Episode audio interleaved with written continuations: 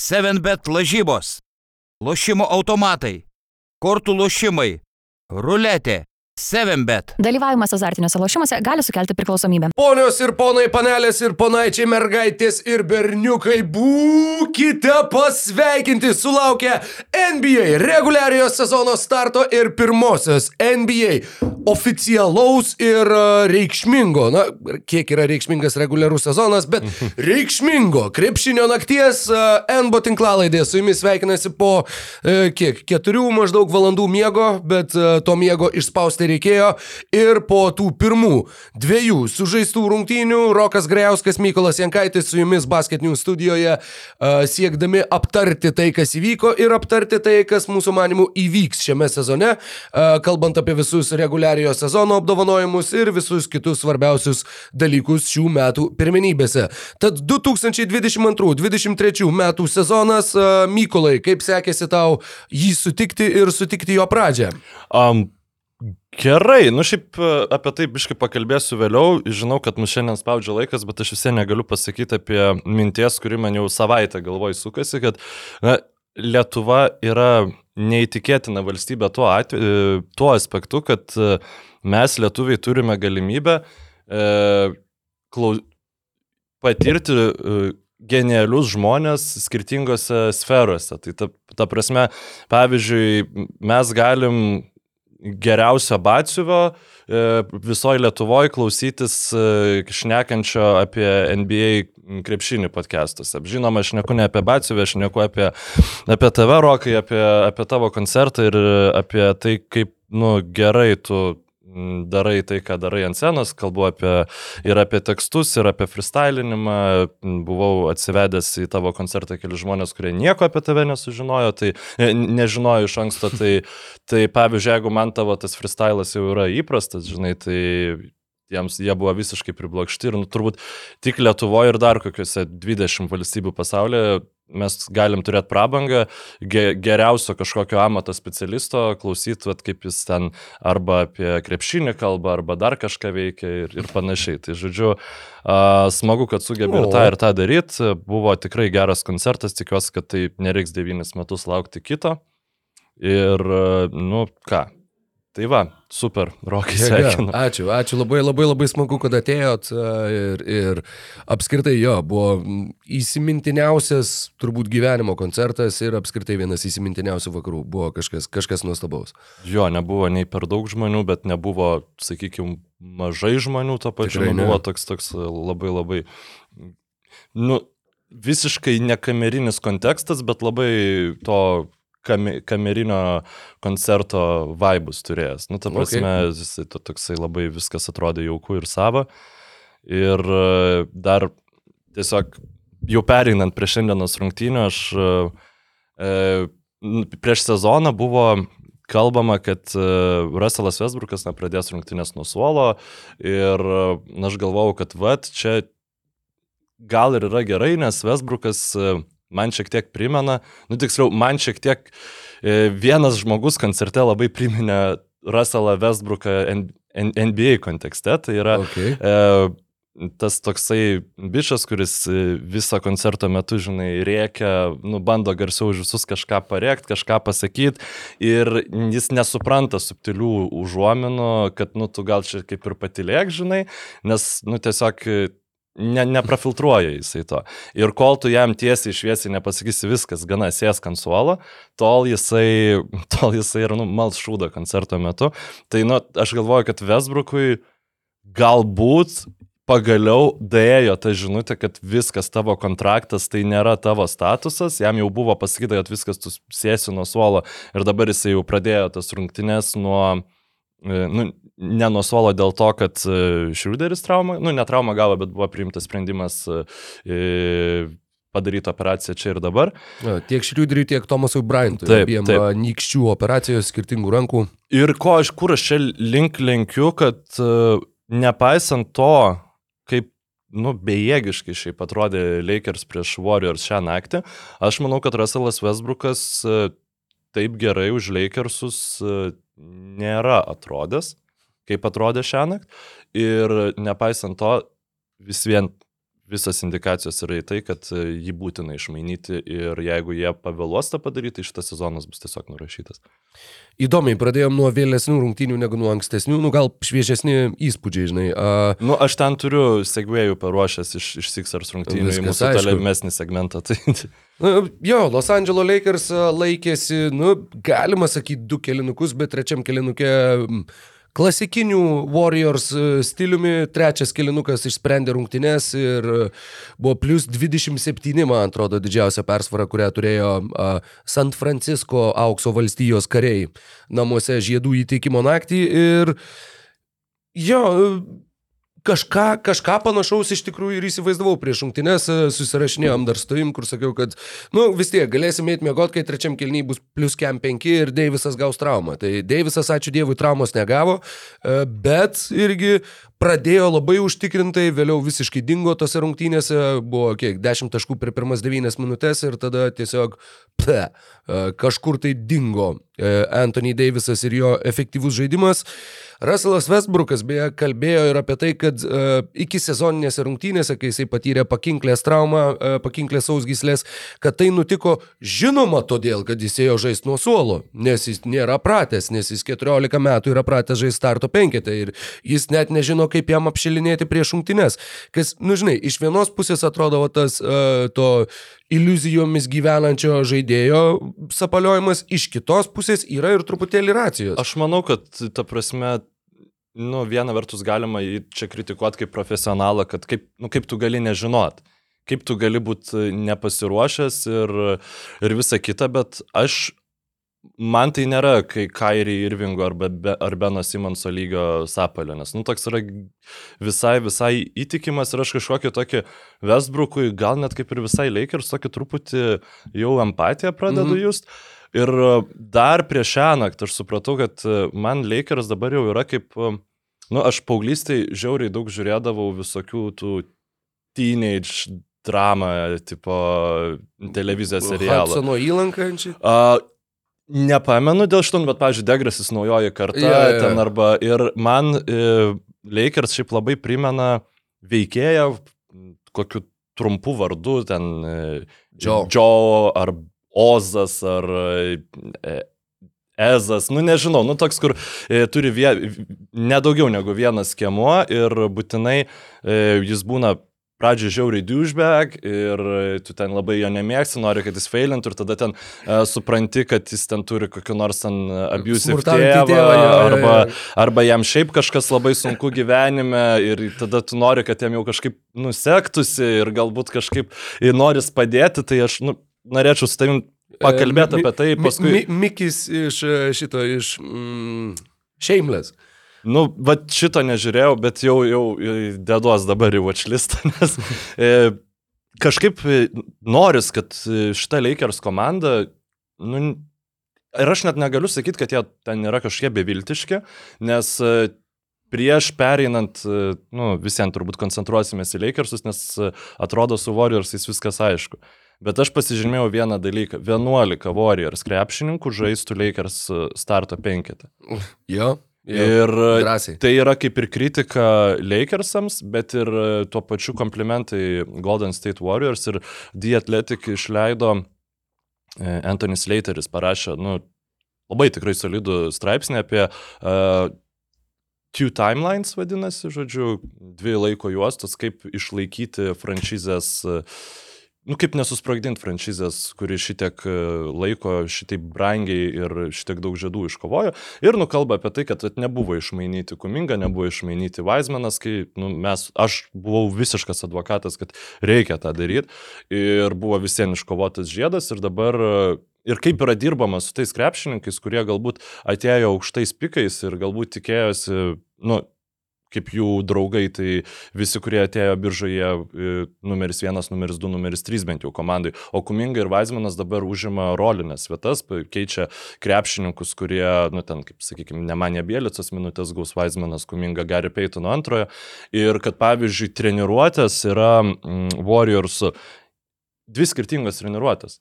Pirma sueina vis jauna hebra, daro jau- jaunai hebrai dalykus, tada skirtus dalykus, tada ateina veteranai, e, veteranai padirba su jais ir tada veteranai dirba dar, nu, ten Jugodalą ten pasiema Ku- Kumingą moko, Kevanas Lūnį Weizmaną pasiema ir, tarp kitko, e, labai daug dėmesio skiria būtent e, naujokų ir jaunų krepšininkų vystymui Warriors, nu, kas šiaip yra akivaizdu, jų visas, visa sėkmė iš tikrųjų yra būtent dėl to, kad, ka, nu, jie viską pasidarė patys. Homegrown. Taip. Visiškai viską pasidarė patys. Ir pavyzdžiui, aš dabar pavirdės, nu, neprisimenu, neužsirašiau tiesiog, bet jie e, pasisamdė, pasikvietė trenerių, kuris dirbo Serbijoje su Nikolo Jokičium. Ir tas Okay. treneris dirbo su Kevonu Lūniu ir, nu taip, Kevonas Lūnis nėra Nikola Jokičius, bet labai daug dalykų, ta prasme, jis žaidžia geriau, negu jam leidžia jo fizinės galimybės. Prasme, nu, negu turėtų žaisti centras su jo fizinių galimybių. Ir šią naktį iš to paties Vaismano aš mačiau labai didelį rankų koordinuotumą.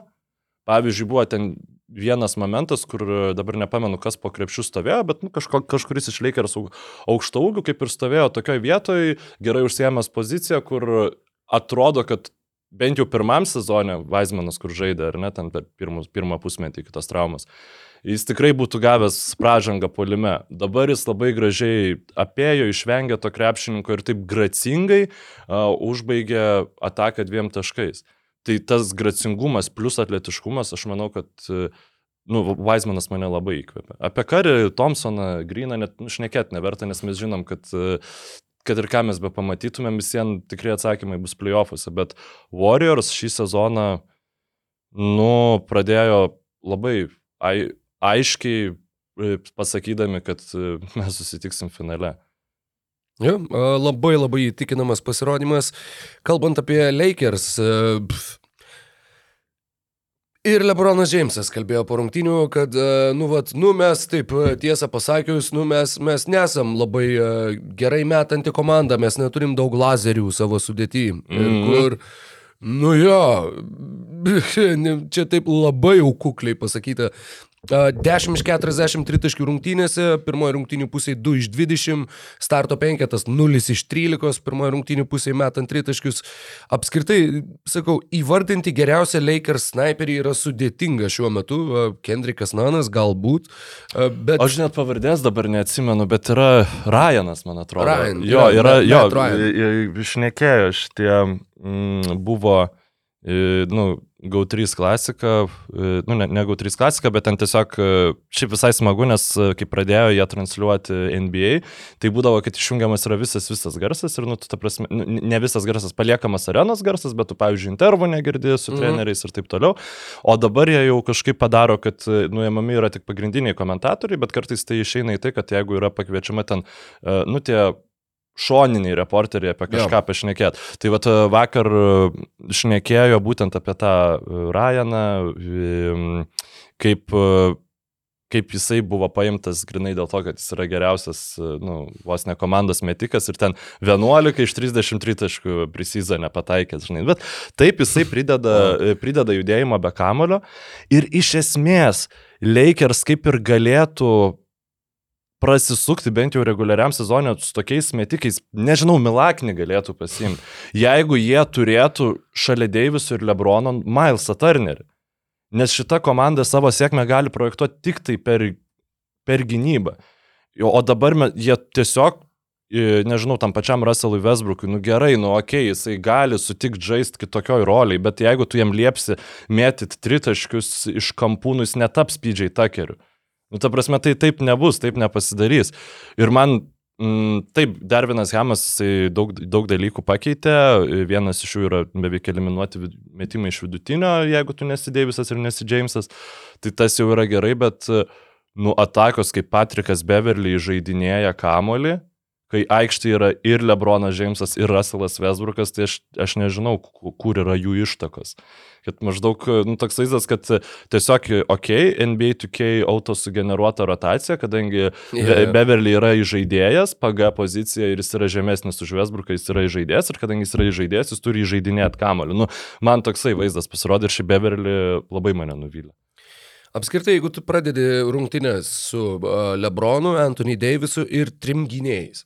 Nu, realiai, ši, šią naktį tai buvo taip, Beverly ir Lonnie Walkeris. Ir tu nei neapsigini, nei nepataikai iš toli. Tai tas trijų gynėjų, tas kaip ir žemas penketukas, jis kaip ir turėtų turėti savo pliusų, bet nu nėra tų pliusų, nes tai nėra žaidėjai, kurie gerai papildo vienas kitą, tai žaidėjai, kurie visi turi beveik identiškas silpnybės ir, ir žaidėjai, kurie galų gale prie Deiviso su Jamesu irgi netinka, nu tiesiog netinka. Taip. Ir prieš sezoną, nepamenu ar palinka, ar, ar net pati Gini Bus, nu, savininkė Lakersų, e, Zekui Lau pasakojo, kad e, nu, davė kaip ir suprast, kad tas pasiūlymas e, su Paceriais, tai yra Russellas plus 2 pirmo rato šaukimai už, už Buddy Hildą ir Milesą Turnerį, jisai, nu, kaip ir yra sutartas, tik tai mums reikia pasakyti taip. Mhm. Bet man atrodo vis tik pelinkas. e, Jau kaip ir sako, kad nu, mums kaip ir neapsimoka e, atiduoti tų šaukimų vien tam, kad mes nu, papultumėm į atkrintamasis šį sezoną. Ir davė suprast, kad pirmiausia, mums reikia pasižiūrėti, kaip atrodo Anthony Davisas, tai prasme, kaip atrodo jo sportinė forma, nu ir tas pats Lebronas. Ir aš šiaip turiu pasakyti, kad Anthony Davisas atrodo fiziškai geriau negu pernai metais. Ir taip jisai galbūt palime nebuvo toks pastovus, nu, nebuvo, sakykime, Pelikans laikų. Deivisas, bet gynyboje jis atrodė gerai. Ir toksai Deivisas, toksai Miklus Deivisas šalia va, gerai besiginančio centro, nu, net gerai, net ne Milesą Turnerį, nu tiesiog Robinas Lopezas, aš O jis nežinau. pats negali būti centru to. Jis gali būti centru, bet jeigu jie turėtų, jeigu jie turėtų Viginsą, kokį PJ Tuckerį, nu kažką kraštuose, bet dabar e, jis gerai, jis yra centru, bet kas iš to, kad Deivisas pas tave yra centru, kai tavo pas tave tada yra Westbrookas, Lonnie Walkeris ir Patrikas Beverly. Nu, ta prasme, e, ne, netapsis vienas gera gynyba.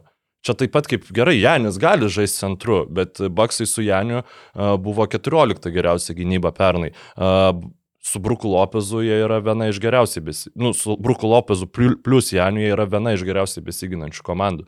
E, Deivisas gali būti centru, jeigu tu šalia jo ir Lebrono Jameso pastatysi 3-40 procentų e, pataikančius iš toli krepšininkus, nu, bet tokių kažkaip nesugeba jie surasti. Taip, tai apie gynybą ar apie metikus? Ne, tai aš turiu omeny, kad tau reikia e, apsispręsti, ar tu ieškai trijų gerai pataikančių krepšininkų, ar tu ieškai vieno gerai besiginančio centro. Ir man atrodo, kad geriau, lengviau yra surasti vieną gerai besiginantį centrą ir taip e, kažkokį kelią į kompetenciją surasti Lakersam.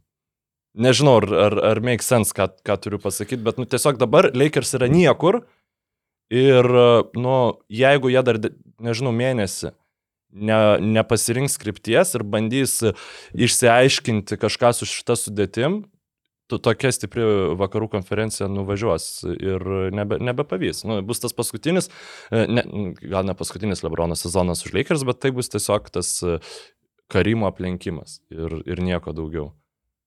Nu, ir uh, apskritai, Damienas Jonesas buvo tas žaidėjas, kuris ir pradėjo keletą rungtynių starto penketą Mhm. iki sezoninėse rungtynėse. Tomas Bryantas, kaip minėjom, iškrito dėl traumos. Abu su Šriuderiu maždaug trim savaitėm, galbūt kiek daugiau. Damienas Jonesas net nepakilo nuo suolo. Mane šitas irgi Nu, tu nustebino. dar nes- galvoji imti fantasy. Jo, aš galvojau, vienai dienai paimti, pa, pastreamint vienai nakčiai fantasy lygų, bet neėmiau ir, ir nustebau pamatęs, nes nu, jokio kito centro nuo suolo ir nebuvo, realiai. Tai- Veinianas Gabrielis, kuris Nu, labai jis- neįkvėpė, nu, ta prasme, kuris nėra centras. Ne, tikrai ne. Nei Ryanas, nei Gabrielis, nei, nei kiti. Nuskau, va to tikro aukšto ūgio kito net nebuvo. Realiai buvo vienintelis Anthony Davisas. Ir, e, sakau, toks truputėlį nustebinęs sprendimas. Galbūt čia todėl, kad tu žaidži prieš Warriors, bet, bet aš nemanau, kad čia dabar yra ta sezono dalis, kai tu turi bandyti prisitaikyti prie varžovų. Bet, na, matysim, kaip bus. Vienai par kitaip Los Angeles Lakers tikrai neįkvėpė, o savo ruoštų Golden State Warriors Tikrai atrodo labai labai solidžiai, labai galingai, žinoma, iš vienų rungtynių mes negalim prisidaryti per daug išvadų. Bet neįmanoma, nu ką mes čia darom šitą podcastą po Opening Night. Tik tam, kad, e, Kad- pas mane dabar vis, vis, visos mūsų apdovanojimų kategorijos yra, e, juose dominuoja žaidėjai, kuriuos aš mačiau šiandien. labai gerai, labai gerai. Tai Jo, sorry, aš tave pertraukiau. Ne, tikrai nežinau, aš jau uh, kaip tik ir žiaus klausti, ar mes jau metamės iš vakarų į rytus, ar... Galim mestis, aš tiesiog taip, mm, tuoj pasižiūrėsiu ir dar, jo, e, apie Lebroną Jamesą. Daug taškų jisai sumetė ir aš taip pasirašau, pasirašau puikus, bet nebe nesulaikomas Jamesas. E, Labiausiai, man įsimintiniausias rungtynių epizodas buvo, kai Ant, Lebronas Jamesas pasiemė kamoliu po krepšiu, nepamenu, ar atsikovojo tiesa ar gavo perdavimą, bet ties puslankiu. Ir prie jo stovėjo Andrew Wigginsas. Andrew Wigginsas yra, nu kaip pernai įsitikinom, ne pernai, bet praėjusią sezoną, vienas geriausiai besiginančių Free ND e, žaidėjų lygoj. Bet Jamesas tiesiog jo fiziškai nesugebėjo nusistumti ir neįmetė nu, iš pakrepšio. Ta prasme, atliko metimą, mm. jisai, jisai nepasiekė tikslo ir tu supranti, kad Lebronas, nu, vis dėlto yra žmogus. Jis iš pokrepšio arba restricted area, tiesiog visoje toj zonoje pataikė 9 iš 11. Taip, bet va tas vienas, kurio Va nepataikė. vienas, tai nu, yra man jisai išvados. nes tiesiog tai, žinai, e, labai parodė, kad e, jis jau ne, nėra, nu, ne, nebesulaikomas. Ir tas pavyzdžiui, e, kontratakose, tai, nu, yra vis dar vienas geriausių krepšininkų lygoje, bet tam pozicinėme žaidime jau, nu, tu nebegali tiesiog duoti Lebronui Jamesui Kamulio kiekvieną ataką ir sumes 120 taškų per rungtynės. Nu, jau taip nebevyks, reikia, reikia kažko įdomiau ir uh, vis vien tai, kaip jis pasirodė, taip kaip atrodė Deivisas, Jeigu būčiau Lakers fanas, net ir labai racionalus, aš norėčiau, kad būtų viskas išmainyta, kad mes turėtumėm dar vieną, nu, šimtaprocentinį sezoną iš šitų dviejų žvaigždžių išspaustą. E, Dar pabaigiant tuos skaičius, e, 9 iš 11 Lebronas iš, iš pokrepšio, 3 iš 14 metant iš toliau. Anthony Davisas 8 iš 10, iš pokrepšio 2 iš 12 metant iš toliau. Daviso metimo tas pradingimas irgi nuo, nuo praėjusio sezono, kaip jisai pataikė burbulę ir kaip jis nieko nepataikė pernai. e, Baudų Anthony? Davisas 7 iš 9. Tai čia tas gerai, nes buvo praėjusią sezoną jau ir nu, baudas nustojęs normaliai pataikyti, jeigu mano atmintis manęs neapgauna. Bet taip, jo, Deivisas, mm, jį kaip žaidėjo, kurio mes negalim palikti laisvo ties tritaškių, jo jokių būdų, nu, galima pamiršti. Antra vertus, jeigu tu neturėtum šalia krepšininkų, kurių tiesiog galima neginti ties tritaškio zoną, galbūt ir Deivisas turėdamas daugiau laisvės, nu, demonstruotų geresnį pataikymą. Čia, žinai, e, labai... Pernai jis metė po mažiau negu 2 tritaškius per rungtynes ir juos pataikė 19 procentų. Taip, taiklumu. nu, ta prasme, Tai jeigu tu meti po mažiau negu 2, tai jau tavo selekcija yra, kad tu meti tik tai tada, kai tu esi Jis yra laisvas. Jonas Valančiūnas. Ta Tai, prasme, tu juokauji, Jonas Valančiūnas yra penkiagubai geresnis metikas šiuo bet metu. aš turiu omeny, kad polime jis sugeneruoja e, ties perimetru panašiai traukos kaip Jonas Valančiūnas. Aš e, tą norėjau pasakyti, nes tai aš dar yra sakyčiau, kad labai, daug mažiau. mažiau traukos. Na, man atrodo, kad jo tas statusas vis dar jį šiek tiek gelbsti. Gal dar vienas dalykas, kuris irgi krito į akis, nu jo, tu žaidži su Lebronu ir su Vesbruku, bet tik šeši atkovoti kamuoliai per 36 minutės ir plus nulis atkovotų kamuolių puolime, kai tu buvai pagrindinis aukštaūgis komandos, nu visą laiką, kai buvai aikštėjai.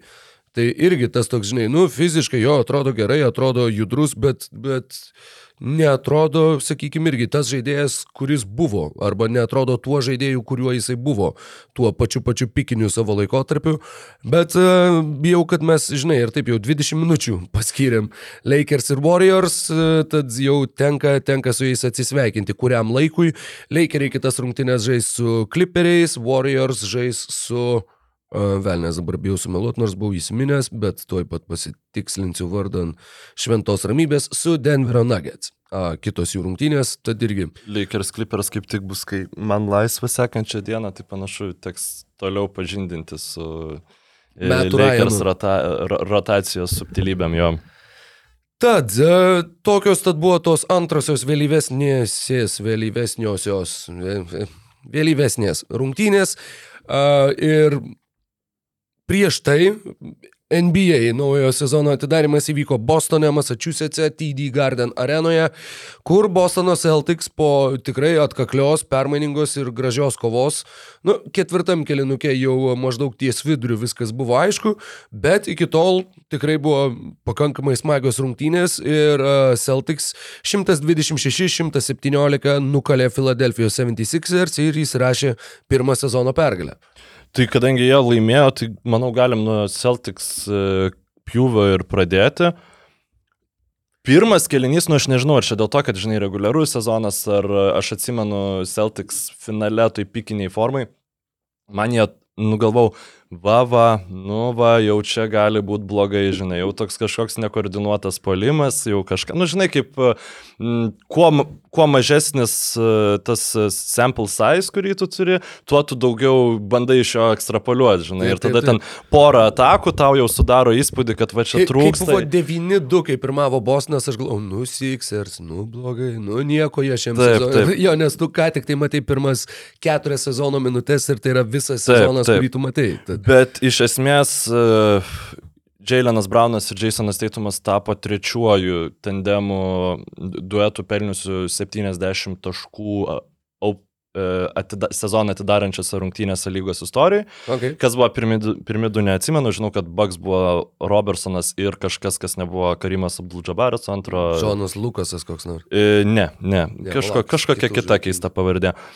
E, Viena, Ne, ne, Viena statistikos dalis ir mm, krepšinio elementas, e, kurį reiktų dabar užakcentuoti, nes paskui jis gali pasimiršti, tai yra e, šį sezoną e, NBA įvedė naują taisyklę, kad e, tos taktinės pražangos stabdant kontratakas, Take foul. take foul jos nebebus toleruojamos ir jeigu tu nežaidai kamuolį, tai yra nesportinė pražanga. Iš esmės tai, ką mes... E, ne visai netgi taip. Okei, jeigu tai yra mane. tiesiog, jeigu kerta per rankas bėgančiam krepšininkui, tai gali būti uh, clear path foul, pavyzdžiui, mhm. tuomet tai yra nesportinės pražangos principų, du baudos metimai ir kamuolys. Take foul yra vienas baudos metimas.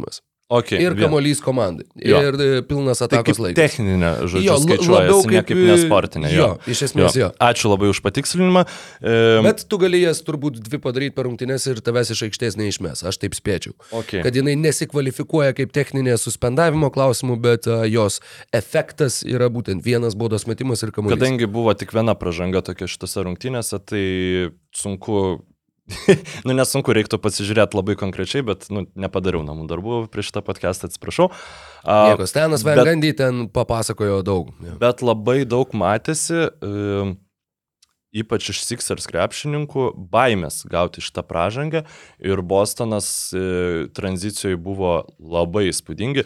Aš nežinau, žinau, aš įsiterpsiu, bet aš nežinau, kiek tai buvo baimė. Kiek Kad- nenoras, Kad Jamesas Hardenas nesupranta kažkam per rankas, yra tiesiog Jamesas Nu, Hardenas, manymu. Jamesas Hardenas jo, bet nu, tikrai buvo keli elementai, aš aišku dabar e, neturiu išsikirpęs, bet kur Nu, net e, tas e, rankos atitraukimo momentas matėsi, Mhm. kur Eu- Europai mes jau to nebematom, nes labai gerai žino, ką daryti, ko nedaryti krepšininkai. Nu, čia NBA dar žaidėjai mokysis šitą dalyką tikrai reguliariam sezone, bet Celtics e, kontratakose pel...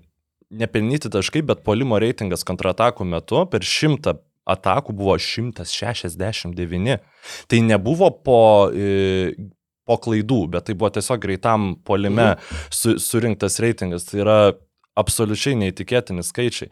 Ir e, jo, Celtics e, tiek e, startinis jų penketas, tiek pagalba gynyboje, teitumas atrodo visiškai absoliučiai žvėris Būtent gynyboje. pagalbose. Taip, Taip, pagalbose. taip, taip, taip. Tai toks vaizdas, kad Roberto Williamso rolę tiesiog pa- pasiemė ir, nu, jiems ten nuo Vonlė, nu, tiesiog yra kūnas, kuris užkimš Roberto Williamso tus net ne, ne šešias savaitės, o pusę sezono, kaip jau aišku, kad nežais Robertas Williamsas. Bet kiek nustebau pamatęs, kad pirmam kilinukė, aha, nu, okei, okay, čia, aha, Horfordo antrą baudą prieš Embidą, nuo Vonle. Toks, kur blast from the past. Jis, jis pernai net nežaidė NBA lygų, jis pernai man- žaidė Kinijoje. Jo, Ir jisai va pirmose sezono rungtynėse pirmam kilinukė sužaidus vos kelias minutės, šnai, nuo Vonle eina su Embidu kapotis. Tai buvo Ne, toks- labai, labai keista. Tai šiaip Celtics, nu gerai atrodo ir ta, kaip tu ir sakėjai, kolega, tai žodžiu, visi klausykit dabar Roko spėjimų, nes jisai sakė, kad Celtics gerai pradės sezoną ir po to sugrius. Tai vad, pradžia Tai- tikrai tai dar labai palauk, gera, nu, palauk. ž- žaidimas labai... Tai žaidimas labai įspūdingas. Grantas Williamsas galiausiai atradęs kelią į tavo fantasy komandą, žiūrėk, kad tik joje ilgiau nepasiliktų, nes... Ne, man teks, man tai, nes irgi streaming, kur kai yra game time decision, gali įsidėti vieną injury list, kol mm. jis yra game time decision, paimti kažką, kas sužais tą naktį ir tuomet jį išmest. Tai jo, Grantas Williamsas, e, džiaugiuosi, buvo, buvo tikrai neblogas sprendimas. E, apskritai, Joe, Joe Mazula, o žiūrėk, tu ten. Ne, viskas, viskas gerai, viskas gerai. Džo Mazula. Joe Mazula uh, iš karto, sakykime, ką bent jau truputį pakeitė komandos žaidime, tai privertė ją žaisti daug greičiau. Nu kaip privertė, sukūrė sąlygas. Greitam polime Celtics pernai rinko po 11 taškų per rungtynes. Šitose jie dabar neturiu skaičiaus po akim, kažkur tai turėtų būti. Va, Team Stats, tuoj pat pasakysiu, nes jis buvo arti 30, man atrodo. E, žinoma, tai buvo žaidimas prieš Filadelfiją. Jo, sąlygas sukūrė ne tik Džo Mazula, bet ir Philadelphia Fast break 76ers. points buvo 2.24. a, Bostono Celticsų pranašumas. Taip, Tad- ir tas fast Jo, break ir- polimo reitingas 170 pasikartos. Ir, uh, sakau, Sikserių gynyba prieš greitą polimą pernai buvo 28 lygoj pagal efektyvumą. Jie yra, mm. nu, super prastai besiginanti komanda prieš greitą Taip, varžovų polimą. pas juos ir, ir jie neturėtų būti geresni, nes pas juos dabar gynėjų linijoje yra du siaubingi skirtingo profilio siaubingumą de- turintys gynyboje gynėjai. Tai yra Tairysas Meks ir Jamesas Hardenas. Ir jie abu du savaip yra labai prastai kontratakose. Vienas tiesiog yra nu, nedidelis ir nepakankamai stiprus stabdyti tas kontratakas, o kitas nu, yra Jamesas Hardenas. Na, kitas yra toks smėlio pilnais batais. Um, kas dar, kokie, kokios įdomybės krito į akis? Iš Bostono e, pusės, tai Trys pražangos pirmam kelinuke prieš tritaškius metantį Jamesą Hardeną. Buvo kažkas neįtikėtino, kur nu jau vieną kartą. Antrą kartą ir dar su bauda ir dar trečią kartą. Toks, kur... Apskritai, e, Filadelfija metė 14 baudų pirmam kelinuke ir atrodė, kad, nu, apskritai tai turbūt ir bus ir, ir faktiškai ir turėtų būti vienas jų pagrindinių ginklų šiam sezone, kad tiesiog labai daug išprovokuojamų pražangų. Embidas irgi nors nemetė ypatingai daug baudų, išmetė 9, bet išprovokavo labai daug pražangų nemetimų metu. Mhm. Horfordas su keturiom, Vonlė su keturiom, Blake'as Griffinas su trim. Žodžiu, vi- visi Nu. rinkosi pražangas prieš Embidą. Sixers išlieka, nu, nežiūrima šiaip komanda, ypač reguliaraus sezono metu. Tai tiesiog tai nėra es- estetiškai, estetiškai gražus krepšinis. E, Jeigu nematėt rungtynių, tai ir galvojat, kad va trys pražangos prieš Hardeną ir galvojat, nu va, čia ta pernai ar užpernai įvesta taisyklė, kur ten foul baitingas ir taip toliau, metant tritaškius nepasitvirtino, va, Hardenas tu vėl meta baudas e, išverkęs pražangas iš tritaško, ten nebuvo išverktos pražangos, ten Hardenas darė normalius tebekus ir kažkaip nu, tiesiog nusprendė jį bauduoti. Horfordas įšoko, Grantas Williamsas Jo, įšoko. nu, ten viena iš tų trijų Blake'as Griffinas lietė ranką tiesiog. Taip, vi- viena iš tų trijų pražangų buvo, kur jis Hardenas biški jau tą kontaktą surado, bet nu, jam nereikėjo labai sudėtingai ieškoti. Ir gal galim perėti jau tada prie Hardeno, šiaip, ar dar ties, apie Celtics kažką nori. Manau, kad asociatyviai, jeigu kažkas dar grįž prie, prie Celtics, tai dar grįž. Jo, Jamesas- Brogdonas gerai atrodė. Jo, Va. Brogdonas tikrai Jo. atrodė gerai, Brogdonas uh, pats pirmas jo metimas buvo tritaškis, kur kamuolys nelėtė lanko ir nuo lentos atšoko ir aš pagalvojau, u, buvo toks, kur negi jam su sveikata vis dar čia Mhm. šlubuoja dalykai, kadangi jis dėl traumų praleido labai daug rungtynių, tiek pernai, tiek užpernai, būdamas Indianoje, uh, turėjo labai panašių problemų ir Milvokėje, kaip žinia, uh, pernai jisai viso sužaidė 36 rungtynes, užpernai 56. Tad tik tai 36 susitikimai pernai, aišku, ir Indiano situacija, ten gal jisai ir būtų galėjęs žaisti, jeigu jie būtų dėl kažko žaidę, bet e, jo, sveikata yra didelis klaustukas ir bent jau kol kas atrodo, kad jis yra tikrai geros e, sportinės fizinės formos. Kaip ir Jamesas Hardenas, polime, bent o jau. Um, buvo nuotrauka parodyta. I, Hardenas Netsuose, Hardenas uh, Rocketsuose pir, pir, pirmoji sezono, pirmą sezono dieną, nors ten tos day, jo day. Ir uh, Hardenas už Sixerius šį sezoną, nu tai taip, bicepsai biškiriškesni, pilvas gal šiek tiek mažesnis, bet uh, aš jau šiek tiek spoilinsiu dabar mūsų ateinančias prognozes MV, M, nu, MVP, bet Hardenas hardenizavo uh, Sixerius.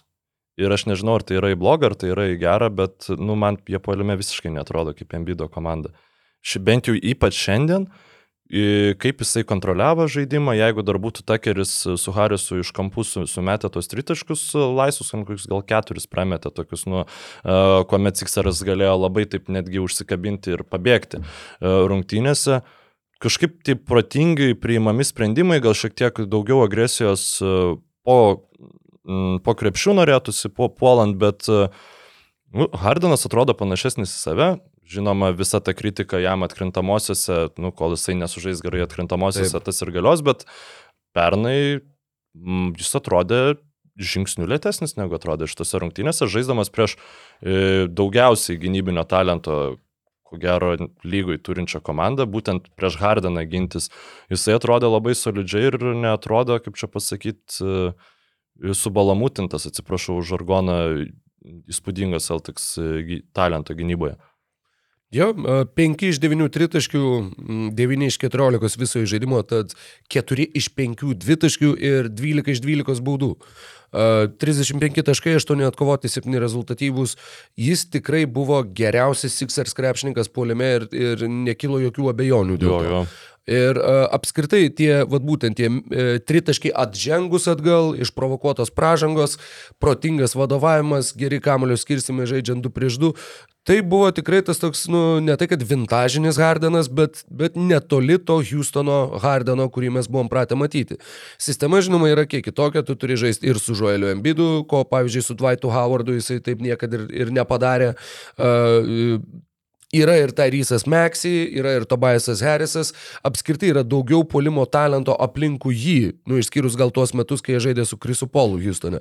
Bet e, bendrai paėmus ir tos schemos nėra Maiko D'Antoni, tas toks radikalusis krepšinis, kur vat, viskas yra tik tai iš esmės kiekvienoje atakoje gali būti Jameso Hardino mestas tritaškis ir mums tai yra geras metimas, mums nieko daugiau ir, ir nereikia galvoti. Kiti keturi gali tiesiog vaikščioti po aikštelę ir, ir e, šiaip užsimti savo vietą. Bet ir supranti, tu žiūri, kaip Sixers puola. Ir jeigu yra Hardinas aikštėje ir yra tiesiog įmetamas kamolys Embidui į paustą, pirmiau negu duodamas Hardinui, taip intuityviai, nu, atrodo, kad tai jau yra išvaistyta ataka, nes tiesiog, nu, bent jau šitose rungtynėse visada geresnis metimas būdavo susikūriamas, kai Hardinas e, pradėdavo rungtynę su ka, e, ataką su kamoliu rankose. Bet Celtics buvo puikiai pagalbos gynyba, kaip tu ir sakėjai, tie dvigubinimas prieš Embidą buvo, nu tiesiog, žinai, apskritai, kalbant apie Joelį Embidą. Nu, reikia 26 pakalbėti. taškai 15 atkovotų kamolių, Mhm. 5 rezultatyvūs perdavimai. Pažiūrėk tik į statistikos eilutę, atrodys, o, wow, nu jis gerai žaidavo, bet neištempė. Nu jis atrodė siaubingai. aikštėj. Kaip jisai susirinkinėjo tą statistiką, kai jau buvo aišku, kad pralaimės Sixersai. Buvo kiekviena ataka, jam į paustą duodamas kamuolys ir, pavyzdžiui, nebandoma ten mes kažkokio tritaškio ar, ar panašiai, žinai, kad, nu, dar kažkaip stebuklingai užsikabinti rungtynėse, bet jau tiesiog duodamas Embidui kamuolys, kad jis pasidarytų tą savo statistiką dėl, nu, aigės, dėl M- MVP apdovanojimo. Ir aš nežinau, kad tai, aš nemanau, kad tai liks nepastebėta. Žinoma, taip Celtics yra turbūt e, sudėtingiausia gynyba, prieš kurią gali tekti žaisti Embidui lygoj, nes Bet lygiai taip pat ir Hardenui. Bet Hardenas kažkodėl sužaidė. Nu taip, Hardenas sužaidė, bet Hardenas yra suprantis visą savo karjerą žaidžia prieš e, dvigubinimus.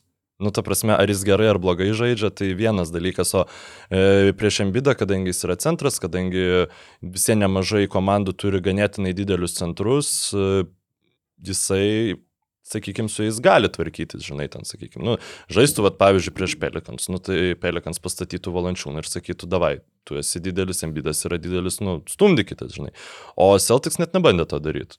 Ja, ateis teitumas, uh, užsmauks tave ir man atrodo, kad tai yra žymiai efektyvesnis, uh, gyn, efektyvesnė gynybos taktika, nors, nu, pavyzdžiui, pernai prieš, ro, uh, prieš Raptors, kurie irgi tik tai taip prieš jį gynėsi, jisai atrodė nesulaikomas.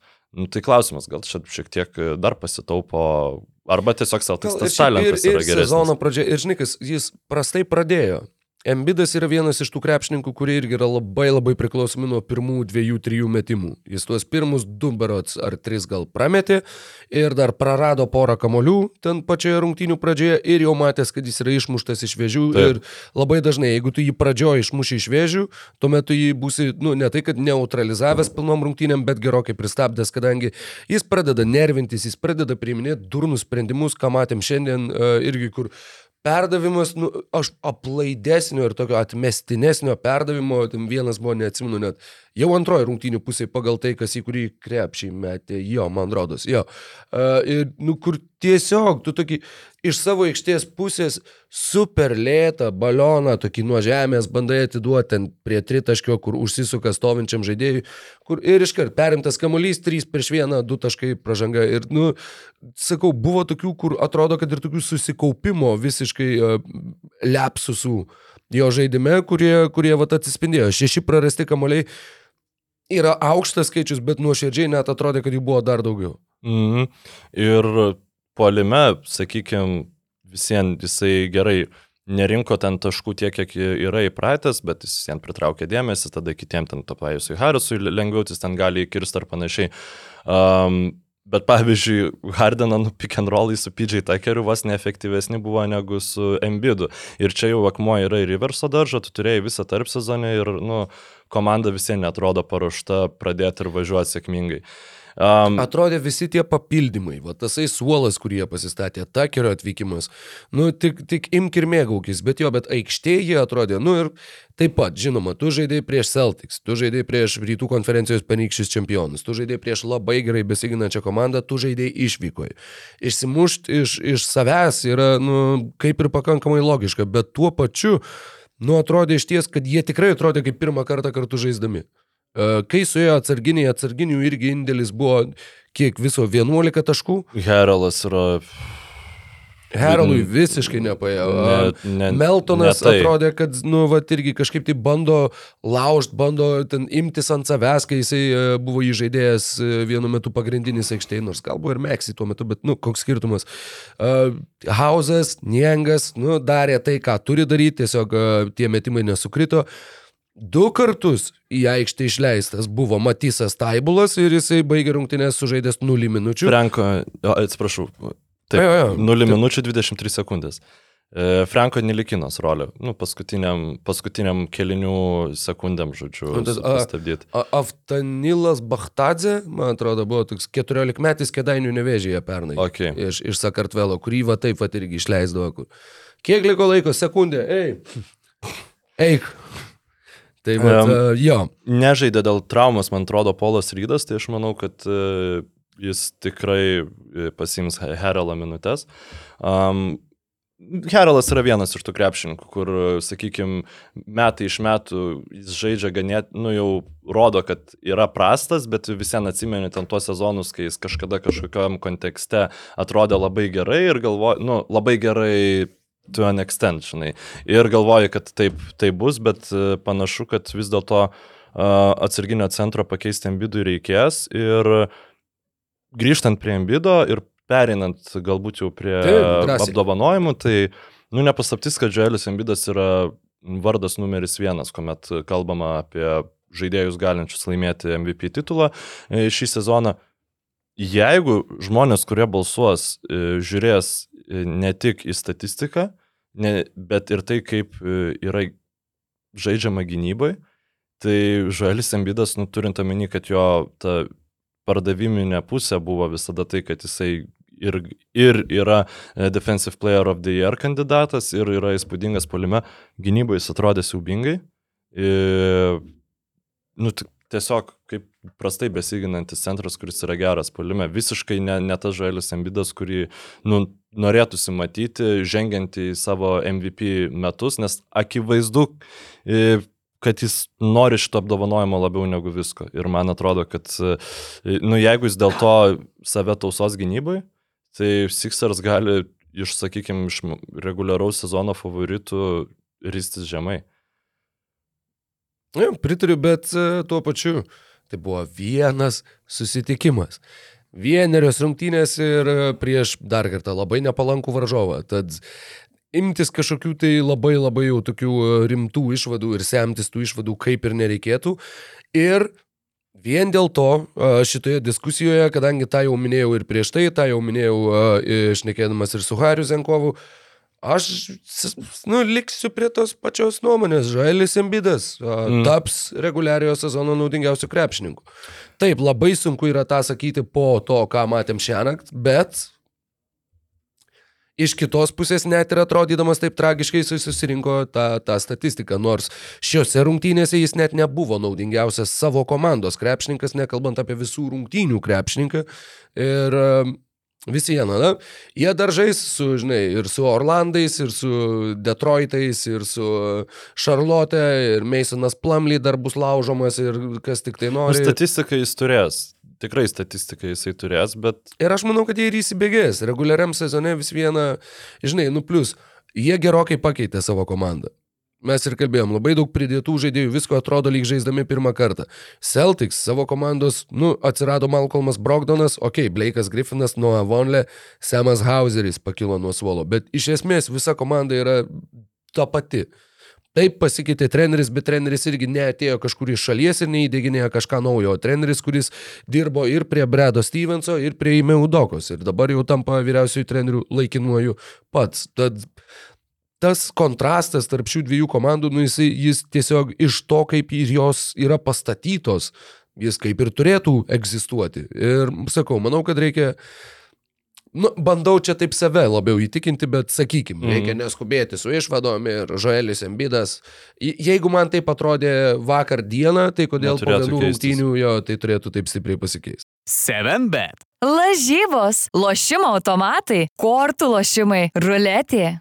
7bet. Dalyvavimas azartiniuose lošimuose gali sukelti priklausomybę.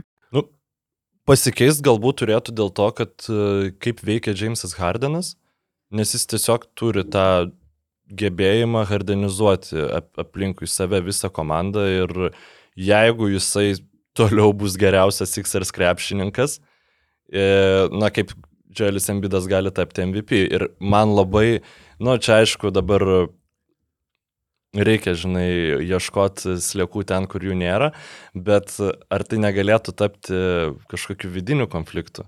Jeigu Hardanas, žinai, temtų paklodę e, nuo Embido ant savęs. Renka 33 taškų trigubą dublį, pavyzdžiui, vidutiniškai. Kas, nu, šiandien, šiandien atrodė, aišku, nu, gerai, nesubau, nebūtų subaudavę jo tris kartus pirmam kelinį, galbūt Hardanas e, nebūtų, žinai, tų taškų tie, tiek surinkęs. Nu, ne galbūt, tikrai nebūtų, jeigu tiesiog nebūtų prasižengę. E, bet tas šiaip epizodas, kurisai paguldė geriausiai besiginantį krepšininką ant menčių, pasipurtė apie petukus ir net į lanką, man atrodo, nepataikė. Dieve, šiaip, nu kaip gaila, kad ten tas metimas neįkrito, nes nu, tiesiog tai būtų toksai viskas. Hardanas sugrįžo, Taip, taip. Wesley Johnsonas lygų Markusas Martas ir, ir, ir nieko daugiau. Bet e, man atrodo, kad e, Embidas e, tiesiog e, neturi konkurencijos, kurios neturi Luka Dončičius ir aš e, yra du arkliai, ant kurių aš joju jau tri, tris metus iš eilės ir nu, nenulipsiu aš, kol jų nenušaus ir nenukris turėjo galvo. tikrai įskaust pasturgalį. Jo, tikrai, tikrai. Ir e, Luka Dončičius yra mano e, MVP pikas šį sezoną, bet aš dar norėčiau apie porą žmonių tiesiog nu, pakalbėti kaip apie kandidatus. jo. Tai yra, sakiau, visur figuruoja krepšininkai, kuriuos matėm šią naktį, tai yra Jasonas Teitumas. Pernai, ar tu ne, negalvoji, kad jisai gali būti kaip vienas iš MVP kandidatų? Gal, aš neatsimenu. Aš dabar atsimenu, neatsimenu. kad aš spėjau Hardaną prieš sezoną ir labai prašau, bet... Bet jeigu Teitumas, nu čia, aišku, vienos rungtynės, bet tiesiog kaip jis atrodo gynybai ir O, kad taip. jis rinks taškus, nu aš kaip ir nebejoju, visai variantas. Po šių rungtynių tikrai neatrodo neįmanoma. 35 taškai 12 atkovotų 4 rezultatyvūs, po vieną perimtą ir blokuotą. Tikrai ir sakau, gynybinio to darbo dar labai labai daug kas net neatsispindi šitoje statistikos eilutėje. Tiesa, jisai žaidė 39 minutės. Jeigu Celticsai žais prieš komandas, kurias šluos, jisai turėtų žaisti mažiau, kadangi toks krūvis yra milžiniškas ir tiek žaisdamas jis būtų daugiausiai minučių sužaidęs lygos krepšininkas, jeigu tai būtų vidurkis, lyginant su pernai. Jo, jo, o kadangi lygoj, kurioje treneris yra Nikas Narsas ir kurioje žaidžia Fredas Van Flytas, tu nu, niekaip negali būti pirmoje vietoje, nes jis... e, tai teitumas, nu, jisai gali kaip pasinaudoti tuo, kad e, nėra Roberto Williamso ir tai išryškint jo talentą gynyboje gali. Tiesiog aš manau, kad jis ir, ir pernai galbūt buvo geresnis gynyboje, naudingesnis gynyboje, negu mes jam davėme kredito, bet dabar, kadangi nėra jau to visą dėmesį į save sutraukiančio Williamso, Smartas jau irgi kaip yra gavęs apdovanojimus, Teitumas e, gali tikrai, tikrai gauti dėl to daug kredito ir aš nespėčiau, kad jis turi, turės realių šansų laimėti MVP titulą, bet aš manau, kad ten tam top, pala, penkis paskelbė, ar ne, ar tris tik tai paskelbė e, pagal, pagal bals, ne, tris paskelbė e, pabaigoje. Tai į top 3 prasiburauti šansų tikrai turi. Yep. Mm, Nikola Jokičius, trečias sezonas. Dėl trečio sezono va čia ir yra didžiausias sunkumas, kadangi paskutinis žaidėjas, kuris laimėjo tris iš eilės, buvo Larry Berdas. Tad, e, kad Jokičius taptų pirmu nuo Larry Berdo tris įkius iš eilės MVP, vargiai tikėtina. Ir tas e, irgi rinkėjų nuovargis irgi žaidžia šitoje situacijoje, nors iš kitos pusės, nu visko gali būti. Jeigu Nuggets laimi 60 bent. Plus rungtynių. Jo. jo, įmanoma. E, bet šiaip panašu, kad neturėtų laimėti, nes Jokičius vakar pasirodė internete citata, kad e, Marijus pirmas 20 rungtynių bus, bus labai blogas. Tai reiškia, ja. nu, kad jis mato, kaip jis atrodo treniruotėse, ne, ne iš kišenės trauk, traukti šitie žodžiai. Tai turbūt... Na, nu, bet čia, čiagi ir... Čia Nikola Jokičius, aišku. Nu, taip, taip. Bet aš tai šiaip gal nenurašyčiau, nes vis dėlto tai yra NBA kontekste nu, tiesiog tobulas krepšininkas polime, jis dabar turės uh, tobulą kompaniją aplink save, turbūt geriausia, kokią kada turėjo. Aš, aš manau, jeigu Miurėjus su Porteriu atrodys, nu, bent 80 procentų taip, kaip atrodė geriausiai savo laikais. Ir jo, jeigu bus pirma vieta vakarų konferencijoje, kodėlgi ne. Dabar va, pažiūrėjau, kaip tik buvau atsidaręs tą minučių skaičiaus vidurkio uh, praeitų metų lentelę. Siekamas ir Van Vlytas žaidė po lygiai, po beveik 38, tad 39 jo būtų lygos lyderis Teitumas, jeigu taip, taip. po tiek žaistų pastoviai. Uh, Jasonas Teitumas pernai buvo penktas 36 minutės be vienos dešimtosios dalies. Nikola Jokičius nebuvo top 20. Įspūdinga, turint omeny, kad toj komandai wow. nebuvo nieko. Taip, ir kad jis vis vieną ir jo, tapo naudingiausiu lygos krepšininku, nors žaidė mažiau negu CJ McCollumas arba Zekas Lavinas arba Dežonte Murray ar Makelas Bridgesas. Um, kas dar? Luka Dončičius yra iki sezoninis favoritas e, šiuose rinkimuose, Janis Antetokumpo taip pat yra minimas e, juose, kaip, kaip galbūt atėjo jo eilė susigražinti tą titulą. Ar yra dar kažkokių kandidatų, kuriuos, kuriuos tu matai, va ką tik tai šnekėjome apie teitumą? Lebronas, aš manau, kad Lakers bus per prasti. Nu, aš irgi taip manau, bet vat, jeigu aš tiesiog Lakers nebuvo tokie blogi, kaip aš galvojau, kad bus šią naktį, jeigu taip nuoširdžiai gal, galvojant, Warriors buvo geresni negu nu, tikėjausi, mm. galbūt turint omeny, kad tai yra sezono pradžia. Uh, Bet žinai, toks, nu labai daug gali dalykų sukristi. Jeigu, pavyzdžiui, būtų atlikti mainai, e, Lakers kokią ketvirtą, trečią vietą užima, Lebronas renka ten, nežinau, po 28 per rungtynės, sužaidžia 70 rungtynių ir mm, aplenkia, aišku, Karimą. Nu, žinai, toksai gali priminti apie save. Nors e, čia nu, toks tokia kaip jau wild card turbūt gaunasi. Bet aš manau, kad tada mes tu po 30 kažkiek, ne po 28. Tikrai turėtų viršyti 30. Jo, kiek talentų šiaip lygai turim, šakės. Nu, nu, prasme, jo, jo, tai yra neįtikėtina. Ir plus, e, nu, apie tai, apie dar vieną niuansą pašnekėsim apie apie, apie dar vieną niuansą pašnekėsim tada, kai iki jo prieisim, e, bet jo, tikrai e, ir MVP lenktynės yra labai labai tokios sunkiai nuspėjamos, yra daug žaidėjų. Mes dar nepaminėjom Stefo Curry, kuris jo, irgi jo. drąsiai gali užsiauti šiam sezone ir lygiai taip pat priminti apie save. Tiesiog atrodo, kad Kevinas jam... Durantas yra irgi minimas tarp favoritų. Taip. Aš netgi, kad ir kaip būtų keista ir kad ir kaip būtų neįtikėtina, aš netgi paminėčiau Kairį Irvingą kuris gali šiais metais žaisti beveik visose rungtynėse, jeigu jam nesusisuks niekas galvoj. Ir jisai gali ateiti su tuo, kur, nu, šiais metais dabar aš jau parodysiu, kaip, kaip iš tikrųjų yra ir kiek aš galiu pasiekti. Tad sakau, yra daug tų tokių e, ir pagrindinių, ir šešėlinių kandidatų. Jo, Clippers duetas. Džordžas su Leonardo, jeigu, sakykime, bus šiek tiek atpo... Bet jie turbūt per, per, e, sorry. E, jie turbūt per gilę sudėti turi. Tas pats, manau, ir Warriors yra, kai tu turi 11 labai aukšto lygio krepšininkų ir panašu, Bet vis kad... tiek, jeigu kari meta 50, 40, 90 renka pliu- 30 plus taškų. Aš nemanau, kad jis rinks 30 plus taškų. Aš manau, kad gali. Jo praeitas sezonas buvo jo taiklumo atžvilgių buvo blogiausias, berots per jo visą karjerą. Taip, taip, jis pa- pasiekė tą rekordą ir tada kažkas, kažkas už, užsikirto. Šiais metais jisai tikrai turėtų nu, grįžti labiau prie normos, kadangi nu, aš netikiu, kad čia yra kažkoks ilgalaikis nuosmukis. Nu, aš tai šiaip labai norėčiau MVP sezoną iš Kari, nes tiesiog visi sezonai, kai Karis e, būna MVP favoritas, yra žiauriai įdomus, nes tiesiog tas krepšinis, e, jį stebėti yra labai įdomu, tas hypas, kurį jis sukuria apie save, yra nužymiai įdomesnis negu, nežinau, aplink kokį žalį ambidą ir taip toliau. O, ja. Tai aš labai, labai palaikau tave šitų klausimų, man atrodo, kad tiesiog galbūt pasižiūrės uh, Leikobas su uh, Dieve, Adamsas, ko- kokia dabar pavardė yra šito. Bob Myers. Bob Myers, sorry. Kad galbūt mes dar į truputį pataupykim, nes čia mes galim dar, dar ir ne vieną ir... Nu, ne vieną e, titulą iškovoti. Vienintelis sezonas tai buvo Aaronas Beinsas, kai užkrito karį ant rankos, kai žaidė tik penkerias rungtynes, tai nu, šitą galim faktiškai išbraukti kaip sezoną iš jo karjeros. Taip. Tai jo, tai buvo blogiausias sezonas pagal taiklumą į žaidimo, pagal tritaškių taiklumą, e, pagal baudų metimų taiklumą ne, bet, nu, nu žinai.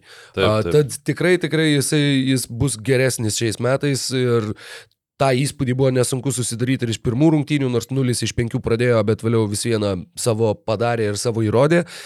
Jo, e, Janis Antetokumpo irgi yra, yra tikrai Vienas geriausių krepšininkų lygai šiaip. Tikrai, tikrai taip. Mes galim keltis prie... A, Uh, tavo top 3 užtvirtinimui. Tiesiog Top trys? Trys žaidėjai, kurie, nu, ne, nebūtinai, gerai, numeris vienas aš žinau tavo, bet. Aha. dar kiti du krepšininkai. Embidas, Išdušęs, čia. mm, Janis ir Stefas Kari. Gerai, e, pas mane Dončičius.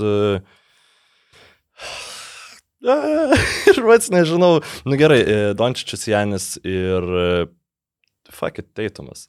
Aš manau, Liuks. a, aš overreactinu ir, ir nieko negaliu. Ir tuo didžiuojasi. Nu, aš, aš būčiau Embidą į top 3 dėjęs, dabar tiesiog e, matau daugiau galimybių, dėl ko jis gali jo netapti. Koks kitas apdovanojimas, apie kurį norėtum kalbėti? Aš manau, kad apie tą, apie kurį kol kas e, kalbėti galim faktiškai mažiausiai. Metų naujokas? Aš. Jo, metų naujokas, nes uh, iš ties sunku yra atspėti. Nu. Neapsimesiu, kad žiūrėjau labai daug kažką, iki jo. sezoninių rungtynių, bet e, favoritai pagrindiniai čia yra išskiriami iš esmės trys. Netgi sakyčiau, kad du. Kiek, kiek teko skaityti irgi visokių ten spėlionių ir taip toliau ir klausytis mhm. tinklalaidžių. Dvi dažniausiai minimos pavardės yra Paulo Bankero ir Kyganas Murray. Taip, Iš Sacramento Kings, kuris tapo vasaros lygos MVP, kuris iki sezoninėse rinko po, neatsimenu kiek, 19 taškų ir tritaškius metė 70 procentų taiklumu, žodžiu, atrodo prinokęs NBA lygai, a, vyriausias barots. Iš loterijos šaukimų, Mhm. jam 22 jau dabar, tad jis jau kaip ir pasiruošęs žaisti aukščiausiame lygyje. Nu, pasiruošęs žaisti už Sacramento Kings. jo, bet tai yra komanda, kuri stengsis laimėti priešingai negu dauguma kitų naujoko atstovaujamų komandų. Nu, ten Jaileno Smito tiesiog niekas nematys. Džabaris Mitas. Džabaris Smito, atsiprašau, Jaileno Williamso. Irgi, kuris šiaip labai, nu, neblogai atrodo uh, Oklahomas uh, antras šių metų šaukimas po Holmgreno, bet jis 11 bendrai, man atrodo. Jo, brats. I, nu ir bankero turbūt visur yra pagrindinis favoritas ir dėl to, kad jisai žais irgi už komandą, kur gali netyčia laimėti šiek tiek rungtynių, nu nes tai yra tiesiog pirm, pirmas pikas.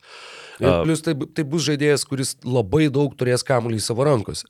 Taip, taip. Tas pats Kyganas Mariai bus labiau, manau, iš pagavimo metantis ir šiaip, nu, tu žaisi greta Foxo ir Sabonio. Taip. Realiai. Taip. Paulo Bankero potencialiai bus visiškas, nu, vat, Sabonis Paceriuose nei to Bjorgreno metais, kur visos atakos eina per tave, tu kiekvienoje atakoje pačiupinėjai kamuolį, tu skirstai perdavimus, tu meti pats, tu, nu, žodžiu, viskas, absoliučiai viskas priklauso nuo tavęs ir tavo sprendimų. Jo, ir aš čia neišsidirbinėjau, aš jų užrašiau kaip uh, numerį, numerį vieną.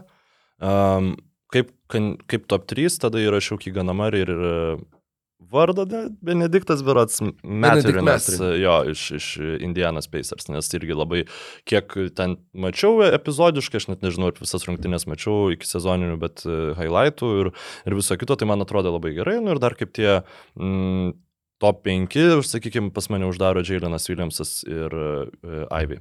iš Ir Ivy. Labai labai labai racionalus penketukas žaidėjų mano manimu ir aš netgi nesiginčyčiau. Paulo Bankero irgi, aš manau, kad turi geriausias sąlygas. Kyganas Mariai tiesiog yra labiausiai pasiruošęs NBA krepšiniui. Četo Holmgreno mes gaila šiais metais nematysim. Džabaris Smithas žaidžia su daug jaunų žaidėjų ir, ir kažkaip žaidžia Rocketsuose. Jo, nu, ir tiesiog nemanau, kad e, jis žaidžia, e, kad jo žaidimo stilius yra toks, kur, kad jisai dominuotų vat, būtent prisilietimais prie kamulio, savo usage rate, e, ko reikia. Taip. Jeigu tu nori taptum, tapti metų naujokų, niekada jisai metų naujokų netapo bičias, kuris rinko po penkis taškus, bet buvo labai geras gynyboje. Niekada taip, taip nėra buvę. Taip, jeigu jis žaistų Warriors, ten Celtics arba e, kitoj geroj komandai ir aš manau, kad jis ten labai greitai įsipaišytų, tada galbūt jo, bet kai tu esi vat, geras, puikus antras numeris, bet pirmas numeris ten yra e, Grinas arba ant, tu esi trečias numeris, nes antras numeris yra Porteris jaunesnysis, kuris šiaip labai įdomų kontraktą pasirašė, kuris sviruoja pinigai, kuriuos Jo. Porteris jaunesnysis gali gauti nuo 14 milijonų iki 83. E, tai yra, nu, šiaip labai labai įspūdinga. E, tai va, tai šiaip net į top 5 nepapuolė pas mane Smithas, galbūt, e, galbūt kiek bereikalo, vis dėlto tai yra antras pikas šių metų, nu, sakykime gerai, tada top 6 pas mane ir Smithas ten kažkur įsip- įsipaišo. Trečias, man rodos. Trečias. Antras jo. buvo Holmgrenas. Taip, taip, taip, antras Holmgrenas, Pastaruo, pastaruosius ketverius metus e, geriausių naujokų netapo pirmieji biržų šaukimai, tad jeigu tą Paulo Bankero sugebėtų padaryti, tai būtų šioks toks e, jau kaip ir irgi deviacija, nukrypimas nuo normos. Paskutinis buvo Benas Simonsas. He, žaidęs ne savo metais, nes praleido pirmus. Paskutinis žaidęs savo metais buvo Karl Anthony Townsas 15-16 e, iškovojęs geriausio sezono naujoko titulą geriausiai komandą treniruosiantis žmogus kitais metais, Mykolai. Nu, čia toksai apdovanojimas e, yra labai dvilypis. E, Tu turi arba spėt aiškiai geriausią komandą lygoj ir tada jos, nu, jos treneris e, gaus arba komandą, kuri netikėtai bus gera.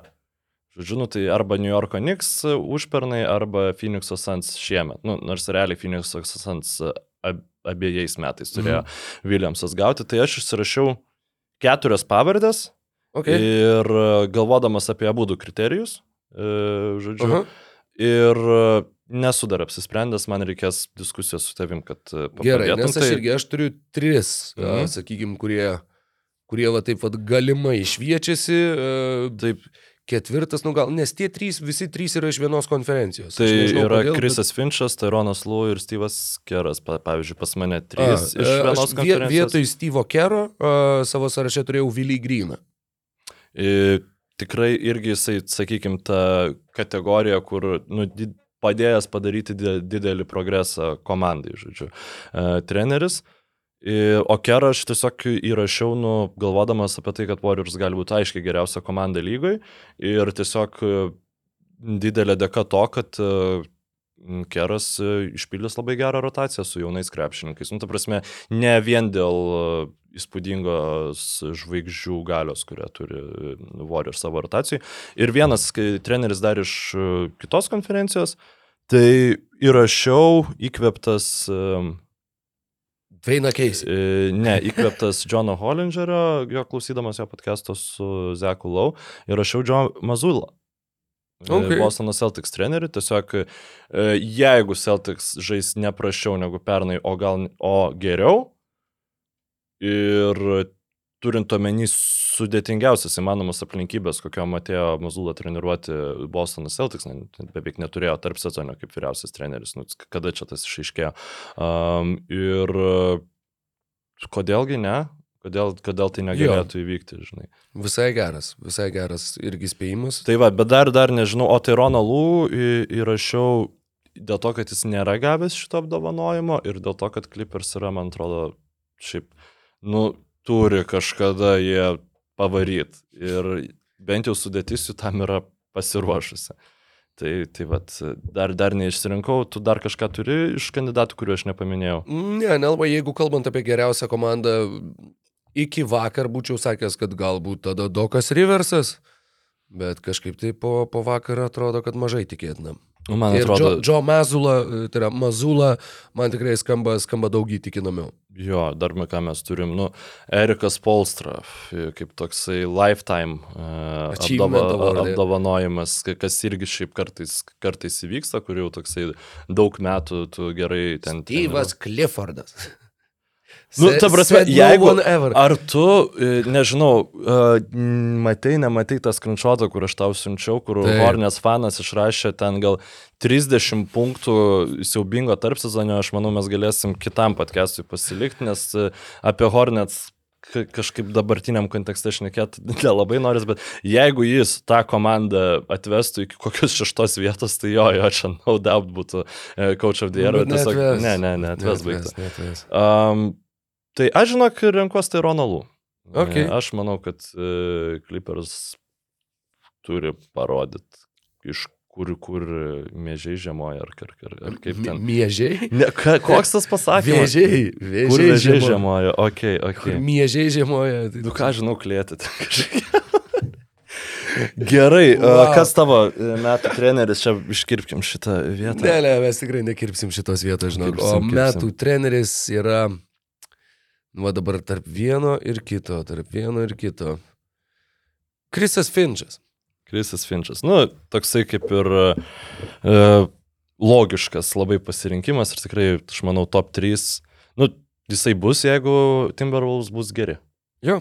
Ir uh, Timberwolves bus geri, jeigu uh, geriausiai besiginančių krepšininkų ateinantį sezoną vėl bus Rudy Goberas. Nu, aš jau pereinu prie kitos kategorijos, geriausiai besiginantis Aš manau, kad, krepšininkas. e, žinai, nėra neįmanoma, bet mano pirmas spėjimas arba toks, nu, pirminis spėjimas būtų visgi kitas. Nu, A, tas, tas žmogus turbūt būtų gavęs tą apdovanojimą ir pernai, jeigu būtų sužaidęs pakankamai rungtynių, bet būtent dėl to Bemas Adebayo buvo išbrauktas iš, iš tos diskusijos ir aš manau, kad šiais metais jisai turės tos ambicijos ir duok dievę sveikatą jam leis sužaisti pakankamai rungtynių, daugiau negu 56 berots, kurias sužaidė pernai ir a, kad Miami Heat gynyba bus tikrai a, pakankamai gera ir Manau, kad tai taip pat, nors Rudy Goberas ir pakeitė komandą. Ir tuo pačiu, nu, kaip ir, kaip ir galėtų gauti tą apdovanojimą, nes, nu, tu, jeigu tu ir kitą komandą atvesi į top 10 gynybą, kurios beje, palabau čia išsikopijavęs, Timberwolves per 34 klubo egzistavimo metus kartą turėjo top 10 gynybą kiek sezonų pas jos Garnetas žaidė? nuo 95 iki 2005. Daugiau negu beveik 10 metų. Arba, Apie 10 metų. Ta prasme, vienas geriausių visų laikų e, universaliausių gynybos krepšininkų, kur tu nesugebėjai aplipdyti top 10 gynybos aplinkinių. Nu, čia yra... Vieną kartą turbūt sugebėjai. Vieną ne, kartą nežinau, kada jo, buvo bet- tas bet bet čia yra per 34 įspūdinga. metus ir jie niekada nėra buvę top 5 gynyba. Tai bet jeigu Goberas šitą pasiektų, tai aš manau, kad nebūtų, žinok, to nuovargio. Tiesiog jep. klausimas, kiek tai realu, nes, e, nu, Edvardso tas tobulėjimas čia labai jau kaip jis ir užhypintas buvo, kaip ir visi absoliučiai krepšininkai Buvo tarp sezonų. tai, tik tai viena detalė uh, nurodyta, nepasakysiu kokie tie skaičiai, nes tie svarai, svoris man yra kaip pieno riebumas, kur nu, Mhm. vėl nežinote, nu maždaug per pusę, bet uh, svarais Anthony Edwardsas yra dviem sunkesnis už Karlą Anthony Townsą šiais metais po, po pasvėrimo Rim- prieš sezoną. vyras. Rim, Tai ta prasme, yra ten- bačkų bačka. Jo, šiaip, šiaip bačkiniai krepšininkai man labai patinka. Ten, e, pavyzdžiui, Fosteris iš ryto vien, vie- vienintelis krepšininkas, kuris man nu, smagu žiūrėti toj komandai, čia aišku didelis talento nuokrypis nuo krepšinko, apie kuriuos mes kalbam dabar, bet nu tie tokie stiprus, žinai, kurie tu nepa, nu, lengvai nepajudinsi. Patrikas Milleris Utenoj pernai, Kailas Laurijai su savo Jo. uh, Big Bet Booty. Kailas Laurė, aš net nežinau, jis labiau nu, ne, nestatinė, ne bačka, nu jis toksai jau kaip truputį ir bidonas, nu, toks išsiplėtęs, žinai, labai.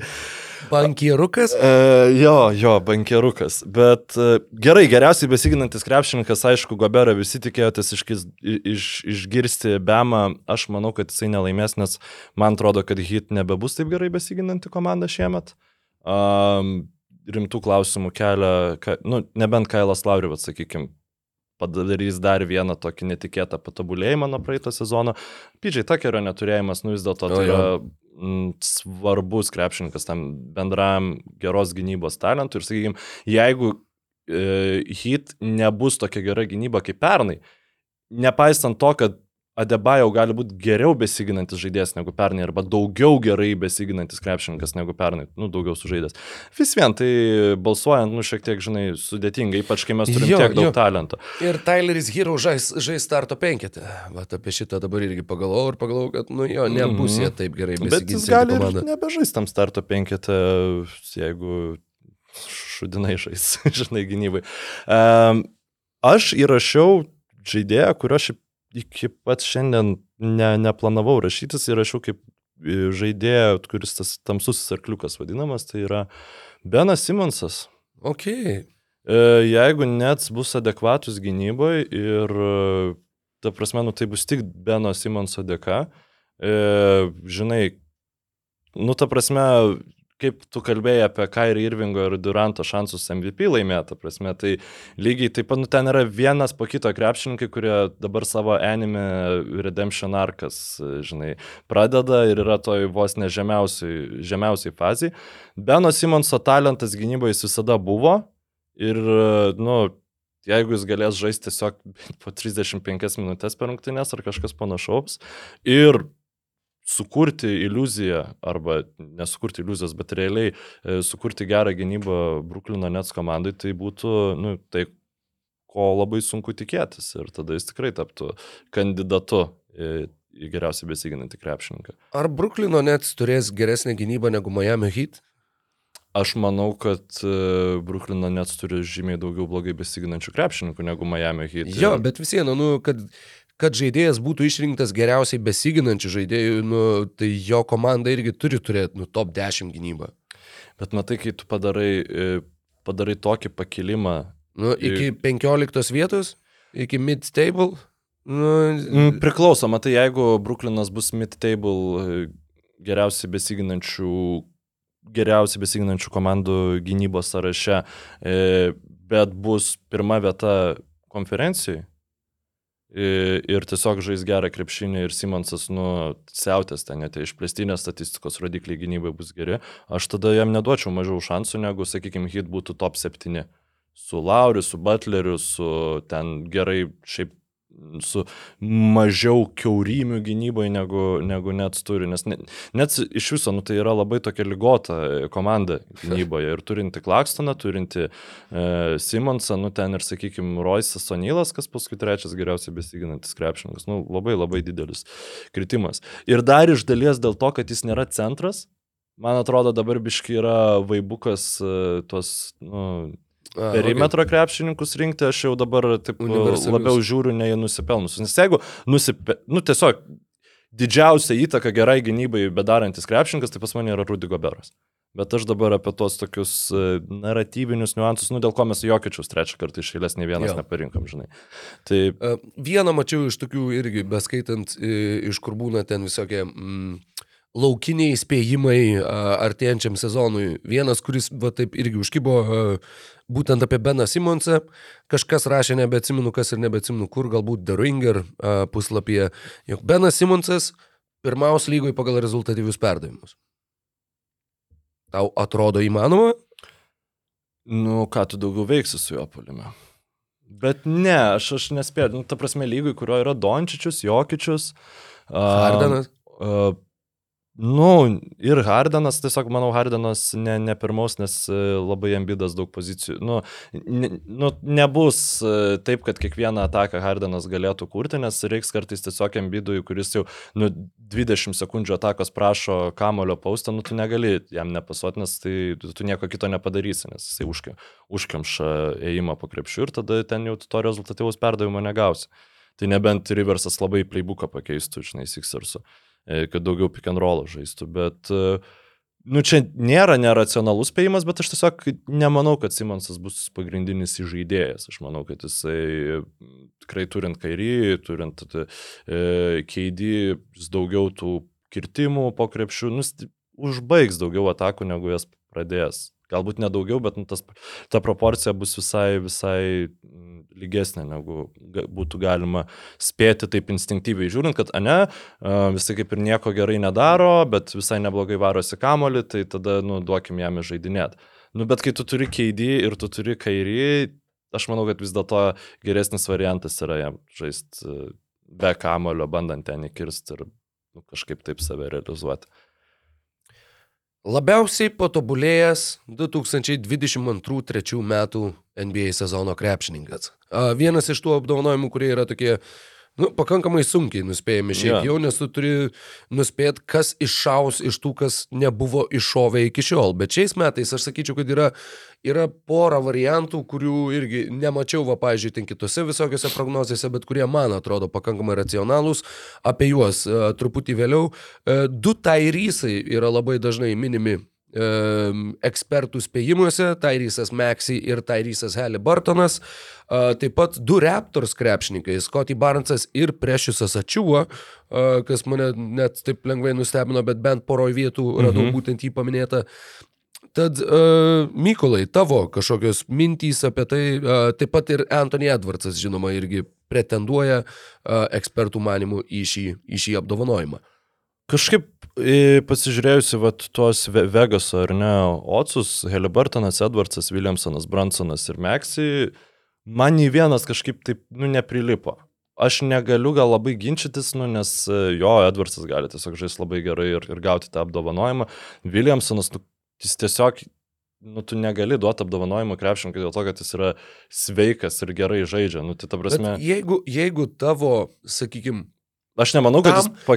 yra... Tam, kad tu Aha. būtum geresnis, tau labai reikėjo susitvarkyti su savo kūnu ir su savo sveikata. Ir vad tu susitvarkiai su kūnu ir sveikata taip, kad tu sužaidai 82 rungtynės. Labiausiai patobulėjęs lygos krepšininkas, tu gali, nes jis paskutiniam tam uh, pussveikiam sezone rinko po 27 taškus. Tai labai stipriai padidinto nu, rezultatyvumo. Nu, čia kaip aš pernai sakiau, kad teitumas gali laimėti ir sakai, kur, kurioj vietoj, mm. žinai, tai čia man biški vis vien tas argumentas žaistų, bet aišku, Žamarantas pernai laimėjo, nu tiesiog iš labai labai gero į elitinį žaidėją tapęs, kas ten, bet paskui atidavė savo apdovanojimą e, komandos draugui. Nu, bet man kažkaip netrodo, aš nemanau, kad Williamsonas žais daugiau negu 60 rungtynių, man atrodo visien ir bus silsinamas ir kokios mikro traumas, nu, neišvengiamas, žinai.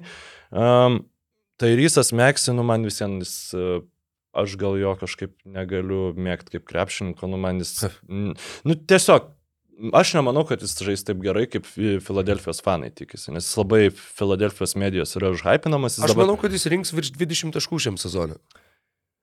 Um, Bet jis, jis jau pernai rinko ar 17 ar 18 su pusė, tai tas žingsnis į priekį nėra, irgi nėra labai didelis, bet čia galbūt tas nuo gero iki labai gero. Mm, jo, bet aš nemanau, kad jis bus labai geras.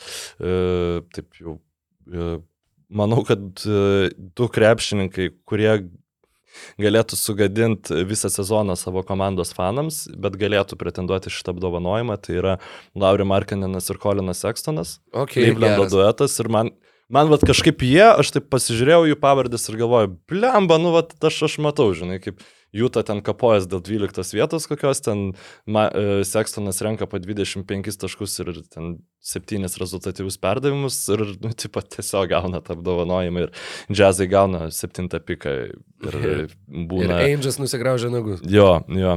Um, nu, bet jis turi dar ten 50 pikų.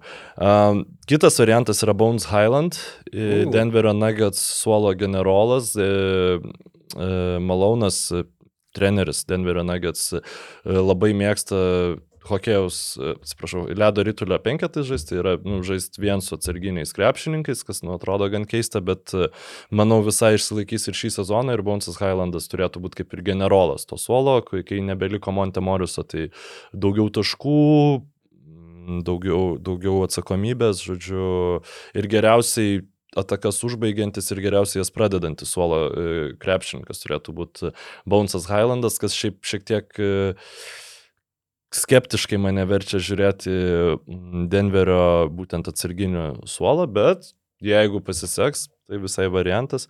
Nu ir dar turiu vieną variantą, bet norėčiau tavo nišinius variantus išgirsti prieš e, serviruodamas. Matai, e, savąjį. paminėjai Bonsą Highlandą, aš kaip tik dar e, jau galvodamas apie savo variantus, jau ruošiau tą įžanginę kalbą apie tai, kaip, nu, žinai, suprantu, kad antramečiai krepšininkai yra va kaip ir nelab... Nu, va, va, va, va, va, va, va. Bet Bonsas Highlandas yra antrametis krepšininkas. Tad vadinasi, man čia pernelyg atsiprašinėti turbūt ir, ir nereikia ir grįsti savo, savo hipotezių. A, du aš turiu tuos antramečius krepšininkus. e, Galvojau tiesa ir apie Zajoną, irgi, bet jau turėjom tą diskusiją, bet apie antramečius krepšininkus kalbant, vienas variantas yra labai ryškus - Keidas Kaningiamas kuris antrojo sezono pusėje žaidė jau labai labai ryškiai, labai mhm. taip sunkiau įsivažiavo, bet jeigu jisai rinks tą statistiką, kurią rinko antrojo pusėje, ar gal netgi truputį geresnę, ir Detroitas bus patobulėjusi komanda žvelgiant į turnyro lentelę, tuomet netgi ir tai, kad tai yra antrametis krepšininkas, manau, kad tai, nors tai yra kaip ir kaip ir, sakykime, neįgiamas e, aspektas būtent šitiem rinkimam, bet aš manau, kad jis nebūtų tiek neigiamas, kad, kad e, žmonės už jį vis vieną nesubalsuotų. E, Kitas žaidėjas, kuris e, irgi, sakykime, liko toj pačioj komandoje, irgi yra antrametis krepšininkas, bet tiesiog uh, turės daug daugiau žaidybinio laiko dėl, dėl aplinkybių, kurios kaip ir nepriklauso nuo jo paties, bet jis bus startinis įžaidėjas Čikagos Bulls klube Ejo Dosunmu. Iš kurio tikimasi irgi yra tikrai, tikrai nemažai. Lonzo Bolas yra iškritęs ilgam. Kai grįž Lonzo Bolas, jo turbūt, kad Dosunmu grįž ant suolo, bet uh, tas žaidėjas parodė pirmam savo sezone irgi, nu jis toks truputį Tairyso Meksy stiliaus, labai labai greitas, gerai besiveržiantis, a, pakankamai gerai metantis iš toli. Jis gali rinktis pakankamai solidžią statistiką poliame, nepaisant to, kad žais su Lavinu, su Deroznu, su Vučevičium. Ir a, irgi, sakykime, tai yra ta situacija, kur tavo uh, vaidmuo komandoje keičiasi, bet tuo pačiu uh, kaip, ir, kaip ir ne dėl tavo kalties. Tai yra ne ta situacija kaip su Jailenu Bransonu, uh, kur tu tiesiog, tu perėjai į kitą klubą ir tu ten būsi nedončičiaus šešėlį, o viskas jau eis per tave. Tai sakykime, tas pasikeitimas irgi, nu, nu, jo, tu patobulėjai, nes iš tavęs prašo daug daugiau dalykų, negu prašė prieš tai. Uh, tad, Sakau, va šitie va dar, dar variantai, kurie man atrodo pakankamai įdomus ir, ir pakankamai tikėtini. Jeigu reikėtų rinktis vieną, Keidas Kaningiamas. Geras variantas, aš dabar galvoju apie tos neantramečius, nu aš esu vieną žaidėją įsireišęs, aš tiesiog vėl mm, ant e, į na- naratyvinį uh, troleibusą sėsiu ir Alkobilį. nuvažiuosiu. Uh, Benas Simonsas? Nu, Ir geriausiai besiginantis. Ir, Ir labiausiai MVP, Ir patobulėjęs. geriausias treneris. Nu, bet- Matai, kad, Ne, jis, kad nu- jis būtų labiausiai patobulėjęs, nu jis turi bent baudas pataikyti. Jo, blemba, nu tie, tie video, apie apie kuriuos tritaškių mes šnekėjom praeitam podcast'e, nelabai ne, ne nelabai Jeigu jisai įkvėpė. pataikytų šiam sezonė 150 bent jau tritaškių, tuomet aš pasvarstyčiau apie tai. 150, jo, jeigu, jeigu jis pataikys 150 tritaškų ir negaus labiausiai patobulėjusio krepšininko, tai tada šitas apdova, e, titulo, tai šitas apdovanojimas yra apie nieką tada, nes, nu, kaip čia pasakyti, labiau patobulėti, tai ne, turbūt neįmanoma. E, nu, nebent dar daugiau tritaškų mėtyt, bet jo, čia, čia būtų, bet to nebus. Nu ir aš turbūt apsistosiu, žinok, ties uh, uh, Seksmarko uh, Wow. kombinacija. Wow, a new one, bragu one, good E, one. Jo, tai arba Sekstonas, arba Laurė Markinenas. Ne, nėra man šitas apdovanojimas, tas toksai pats pats e, Prestižiškiausiai. mėgstamiausias, nes nu, tu iš esmės vis dėlto turi žiūrėti, kas, e, kas kok- kieno rolė keisis, žinai. Cameronas Johnsonas, pavyzdžiui, žais starto penketę Phoenix'e šiais Jo, metais. bet- Vietoj, vietoj Jay Crowderio. Galbūt, gal irgi pakils statistika. Nes šiaip- pakils pakankamai ryškiai. Yra va tas gal įdomesnis, žinai, most surprising player, bet, A. bet tu irgi tada tu turi kaip Bet ir... tada tu negali jo atspėti. Tai Taip, pats nes principas, tau jis nėra tu- surprising, jo, tu tikiesi. Tu, tu negali jo atspėti, tai turi būti žaidėjas, kurio niekas nespėjo prieš sezoną. Nes kitu atveju tai nėra most Jo, tai tu player, turi žmonės jau spėja, kad jisai bus most surprising player. Čia toks oksimoroninis paradoksas. Taip, tu turi būti užtikrintas, kad tavo nuomonė skiriasi prieš bendrą naratyvą, o šitų, sakykime, nu, kai yra tiek daug nuomonių, tiek daug turinio apie NBA, tu gali labai lengvai. Oi, va čia niekas, e, nes aš esu, nu, žiauriai jokinga, vieno podcast'o klausau, Zeko Lau, e, nepamenu su kuo. Jisai išneka, kodėl, visi, kodėl mes visi, tipo, tikimės, kad Raptors bus geri, nes, tipo, ir, ir jo, turbūt jie nebus geri, bet visada, tu, tipo, visi freakai NBA tikis, kad jie bus geri. Ir tada tu klausai kito Raptors podcast'o ir sako, nu, man va, čia atrodo, kad mes galim paneigti skeptikus šį sezoną, žinai. Nu, ta pratai, reiškia, kad tu gali pasirinkti bet kokį naratyvą, pa, paimti savo nuomonę ir, ir keliauti prieš jį, kaip, žinai, vėliavnešys kažkokios skirtingos opinijos, kai tiesiog tų, tų nuomonių yra žiauriai daug. Tai dėl to aš ir nesiūliau integruoti to most surprising player of the year, bet, nu, dar apie tos patobulėjusius krepšininkus, tai vienas žaidėjas, kuris nu, irgi šiaip kaip ir antrametis turbūt skaitosi, tai Jamesas Weismanas.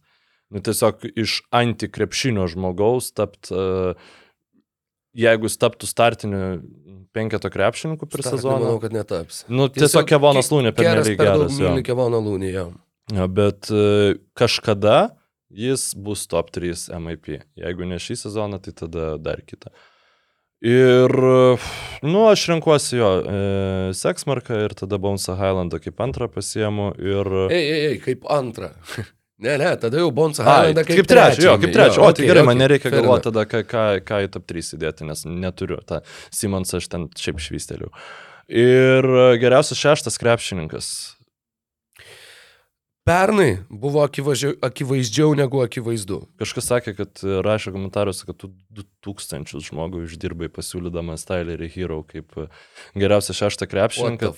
Tai aš šiaip norėčiau, bent jau, jeigu kažkam mano argumentai atrodo įtikinami, tai ne, ne- nestatykit pinigų už juos. Nes aš e, kartais, žinai, nu turiu pripažinti, kad aš čia kartais šneku, norėdamas ir tą turinį įdomesnį, žinai, padaryti ir kaip tu pa- pasiduodi pats tam tiem savo ar, ar, argumentam, bent jau, nu, aš iš savo pozicijos. Dabar paskui, negalvodamas, kas jau taip pinigų galėtų atnešti, žinai. Tai, tai, tai va, bet tu vak pernai labai gerai atspėjai. Wow. A, šiais metais yra, yra ryškių pagrindinių favoritų irgi.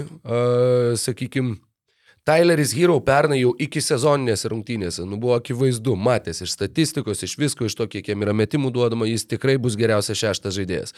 Šiais metais yra keli, sakykime, jeigu, jeigu vajo, vardinti top 3.